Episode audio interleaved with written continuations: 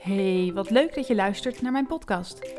In mijn podcastserie geef ik telkens in 10 tot 20 minuten mijn mening, visie, tips of advies op een specifiek onderwerp. Het kan gaan over iets wat ik zelf heb meegemaakt of een vraag die ik heb ontvangen. Mijn visie op SEO wijkt wellicht wat af van wat je gewend bent. Met name voor kleine partijen is SEO echt een vak apart. Hetzelfde willen doen als de grote spelers in elke markt heeft geen zin. Die ga je niet zomaar verslaan. Daarom zeg ik vaak: probeer niet zo hoog mogelijk te renken, maar zo breed mogelijk. Hallo en wat leuk dat je weer luistert naar een nieuwe podcastaflevering. In deze aflevering ga ik het eindelijk een keer hebben over links, linkbuilding en link earning. Ik heb al een paar keer uh, hebben we het hier kort over gehad in een van mijn podcasts. En het lijkt me goed om er een keer uitgebreid op in te gaan. Nou, dat ga ik in deze aflevering doen. Ik heb een uh, bijbehorend blogartikel geschreven samen met mijn SEO-collega Floris van Vredendaal. Die komt ook één deze dagen uh, op mijn website. Dan kun je alles rustig nalezen. We hebben namelijk heel veel te vertellen als het gaat om links. Um, misschien ben jij heel erg druk bezig met SEO, weet jij er alles van. Maar misschien ben jij een beginner die denkt: wat is het nou precies en waarom is het belangrijk? Dus ik ga ook bij het begin beginnen om uit te leggen hoe dit werkt, hoe Google dit ziet. En waarom je eigenlijk heel erg alert moet zijn als er partijen voorbij komen met verhalen die wel eens te mooi zouden kunnen zijn om waar te zijn. Nou, we beginnen bij het begin. Um, links. Wat is een link? Dat is een verwijzing van de ene website naar de andere website. Daar kun je op klikken en dan word je doorgestuurd. Dan opent dus de nieuwe website. Nou, Google heeft ooit als eerste zoekmachine bedacht dat links een teken van kwaliteit zijn. Als heel veel mensen op het web hun bezoekers naar jouw website willen doorsturen, dan zul jij wel een hele interessante website hebben.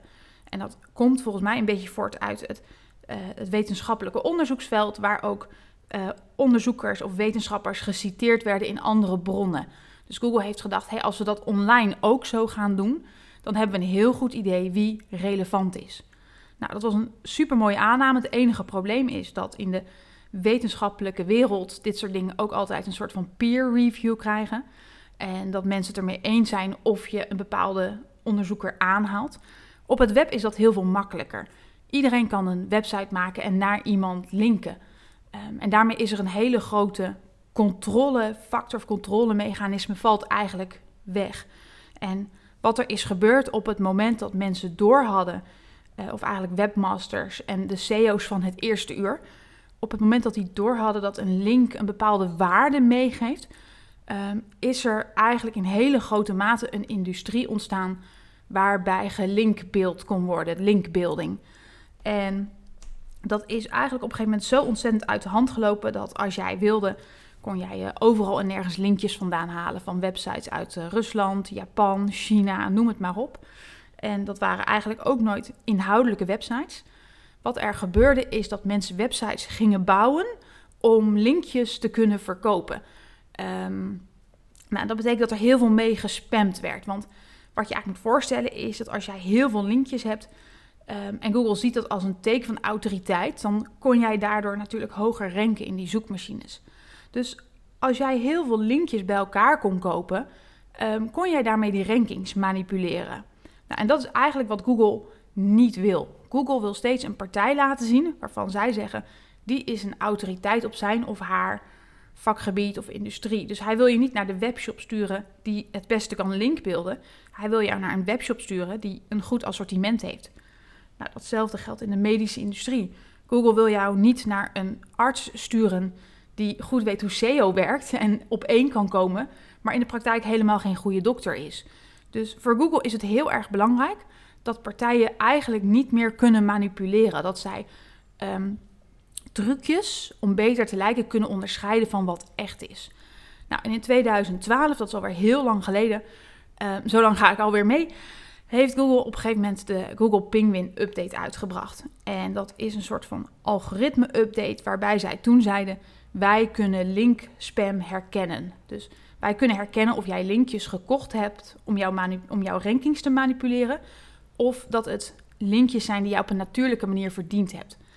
Nou, het, het grappige is dat eigenlijk in um, Nederland is hier altijd heel weinig van naar voren gekomen. Hè? Is dit echt gebeurd? Hoeveel partijen hebben daar nou problemen mee gehad? Ik weet nog wel dat ik in 2014 of 15 op een congres in Las Vegas was. En daar was de, de ingenieur die dit webspam-team aanstuurde, Matt Cuts. En er waren echt mensen in de zaal die wilden hem zo ongeveer een kopje kleiner maken. Omdat ehm, nou, in Amerika dit toch hele grote gevolgen gehad heeft voor bedrijven. Er zijn echt wel bedrijven omgevallen die jarenlang heel veel verkeer uit SEO hadden. Maar opeens, zowel met Google Panda, wat op content ging, content spam, als met Google Penguin, geraakt werden en eigenlijk verdwenen uit de, de rankings. Nou, dan ben je eigenlijk je business kwijt en dan houdt het dus op. Dus ik denk dat dit in Amerika veel groter is geweest dan wat wij in Nederland hebben meegekregen. Nou, en wat je ziet is nu eigenlijk tien jaar later. Ehm, is er in Nederland vind ik soms nog heel weinig veranderd op het gebied van links, linkbuilding, linkjes kopen. En eigenlijk gebeurt het nog steeds ontzettend veel. Er zijn ontzettend veel bedrijven die bieden linklijsten aan waar jij een linkje van kan krijgen. Ehm, ik krijg zelf ook nog steeds ehm, verzoeken via e-mail of ik naar iemand wil linken en dan die link dan weer terug. En, dus er wordt nog heel veel gedaan om linkjes te manipuleren. En Google is heel duidelijk hè, in hun Webmaster Guidelines. Op mijn site vind je ook straks een link naar die guidelines, kun je het lezen. Zeggen ze ook dat je echt niet bezig moet houden met dit soort spammy tactieken. En nou, een aantal dingen die ze noemen is het kopen van links, het ruilen van links tegen goederen of diensten, het versturen van gratis sample met de vraag om een review en een link, um, het op grote schaal aanbieden van artikelen, dus gastblogs met linkjes erin, uh, automatische uh, trucjes om links naar jouw website te krijgen, contractueel verplichten van partijen om een link naar jou op te nemen en ga nog maar even door. Um, dus een, vrij lange waslijst waarvan Google zegt: hou je daar nou niet mee bezig.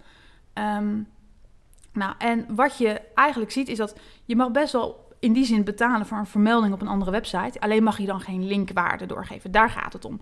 Dus Google zegt niet, jij mag geen, niet adverteren. Ik mag morgen best uh, op Marketing Facts 150 euro, weet ik het wat het kost, betalen voor een link.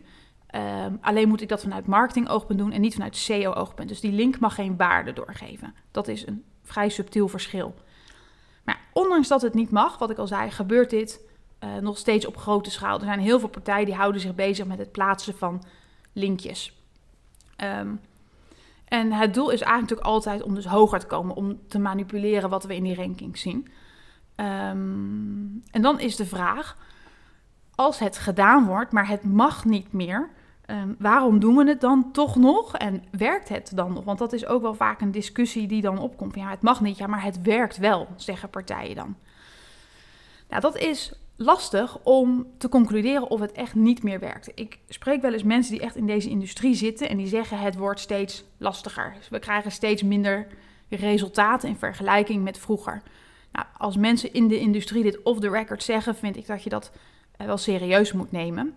Het lastige is, het is eigenlijk niet um, te fact-checken of linkjes nou echt niet meer werken. En um, het, het algoritme maakt namelijk gebruik van zoveel criteria dat als jij en aan het linkbeelden bent, maar ook andere dingen aan het doen bent, dat je eigenlijk nooit meer weet waar jouw succes, of misschien juist tegenovergestelde, waar dat vandaan komt. Ik ken zelf iemand um, met een websiteje en daar gebeurde niet zoveel. En ik laten met content aan de slag gaan, goede dingen schrijven. Maar die was ook zo bang om te verliezen en dingen te missen en om achter te gaan lopen dat hij ook wilde gaan linkbeelden met een partij. Die zei: Ik plaats elke maand 10 tot 15 links naar jouw website.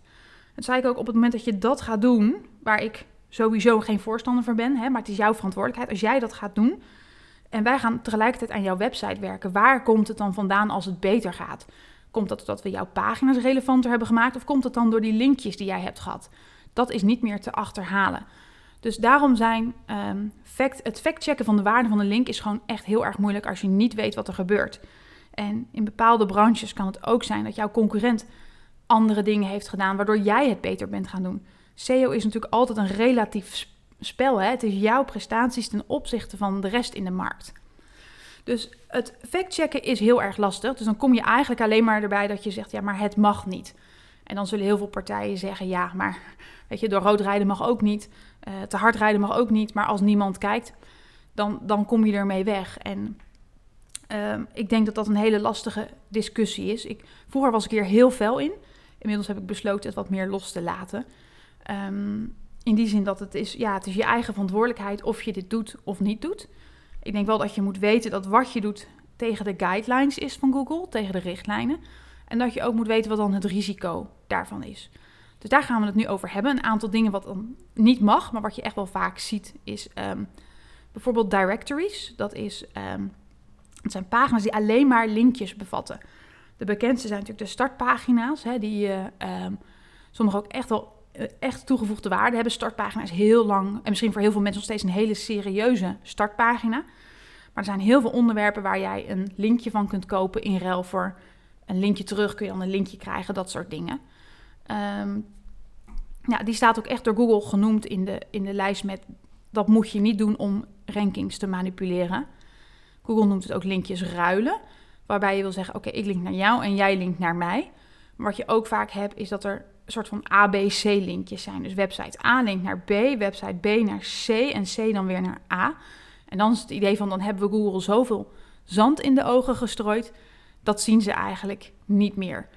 Um, nou ja, de vraag is, herkent Google dat echt niet meer in hun algoritme? Ik heb daar andere ideeën over. Um, en wat je vaak ziet is dat heel veel partijen, um, of dat heel veel websites eigenlijk niet authentiek zijn. Die zijn, bestaan alleen maar om linkwaarde door te sturen in dit soort constructies. Nou, linklijsten, ik noemde ze ook al, dat zie je ook nog steeds heel voorbij komen. Uh, mensen die een linklijst aanbieden, waarbij je een, uh, kunt kijken welke website zit erin, waar wil ik een linkje van hebben.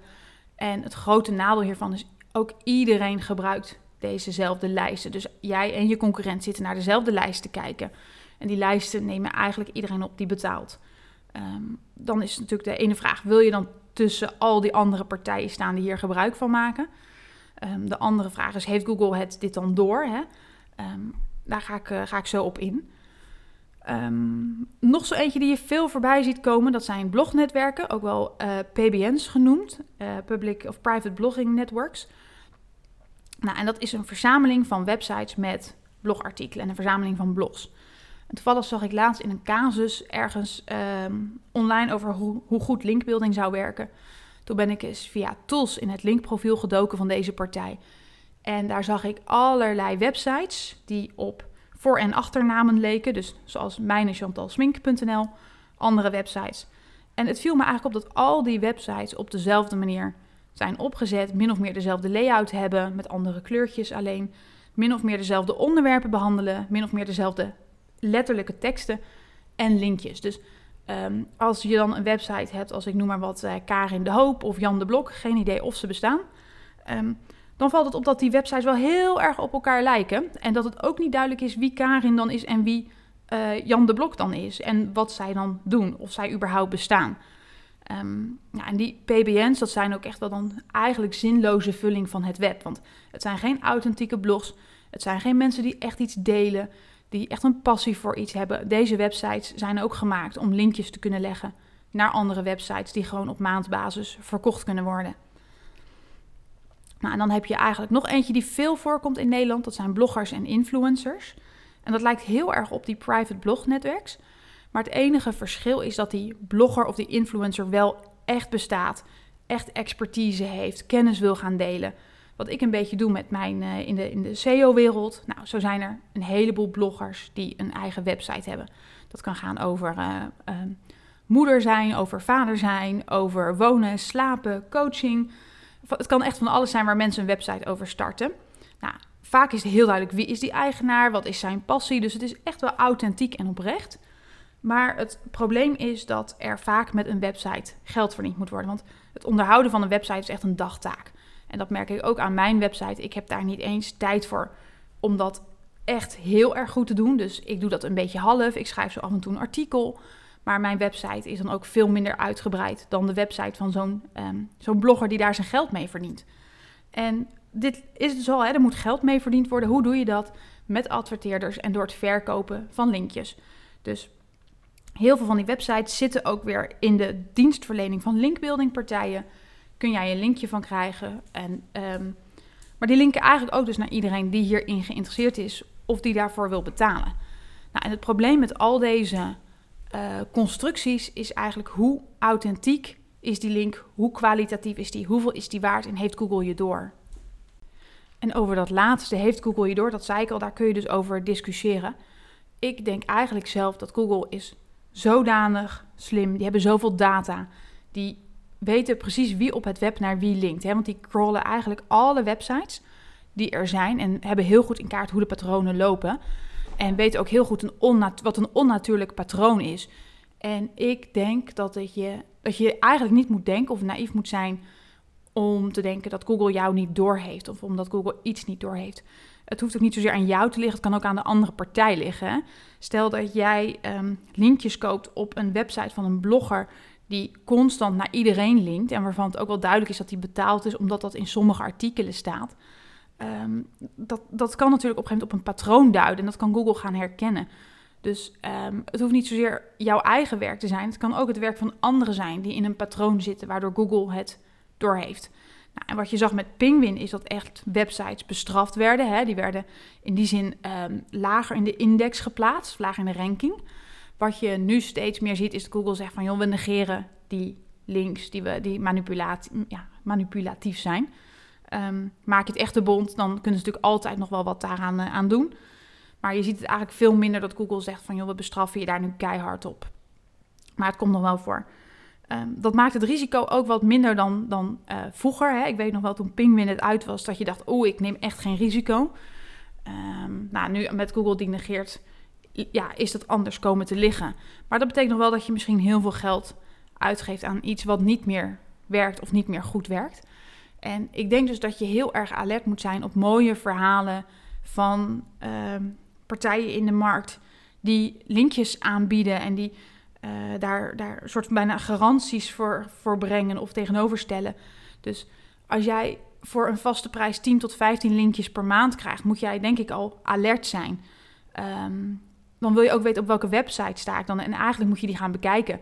Wie zijn deze websites? Zijn die interessant en relevant? Wil ik daarop staan? Heeft die partij kennis van mijn vakgebied of van mijn, uh, van mijn business? Um, als jij op vijf websites komt te staan in die maand, schrijven die vijf websites dan min of meer hetzelfde? Of zit daar echt wel een groot verschil in? Dat vind ik ook wel iets waar je alert op moet zijn.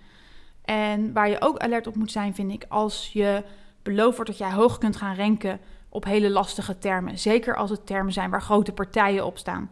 Ik heb al gezegd dat ik in een linkprofiel van een lokale uh, partij duidelijk kon zien dat die probeerde te ranken op een term uh, waar Coolblue op stond. Die ook echt door Coolblue, BCC, Mediamarkt gepakt was.